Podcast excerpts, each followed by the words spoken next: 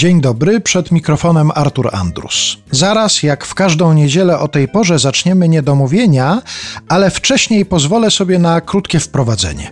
Otóż Czasem trzeba sobie o sobie przypomnieć. Czasem to człowiekowi nie wpadnie do głowy, ale na szczęście wpadnie do głowy innemu człowiekowi. I tak się stało kilkanaście dni temu. Harcerze z Sanoka zadzwonili i zaprosili mnie do udziału w finale Wielkiej Orkiestry Świątecznej Pomocy.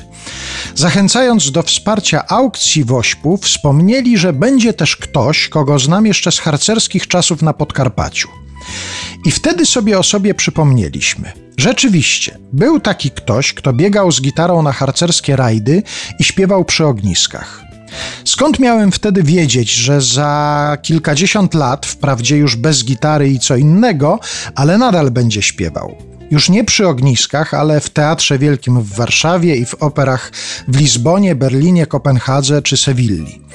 Może to brak wyczucia, ale wtedy, te kilkadziesiąt lat temu, nie wpadło mi do głowy, że w jego artystycznym życiorysie pojawią się takie nazwy jak Carnegie Hall czy Opera Królewska w Covent Garden. Jest jeszcze mnóstwo innych nazw, wiele tytułów, które naprawdę robią wrażenie, zwłaszcza na miłośnikach sztuki operowej, ale proszę mi wybaczyć, ograniczę się do tych, które już wymieniłem, bo wybrałem tylko takie, które potrafię wypowiedzieć. Skoro przypomnieli nam o sobie harcerze z Sanoka, postanowiłem wykorzystać okazję i porozmawiać z nim o tym, co się z nim działo przez tych ponad 30 lat, a przede wszystkim o tym, co robi teraz.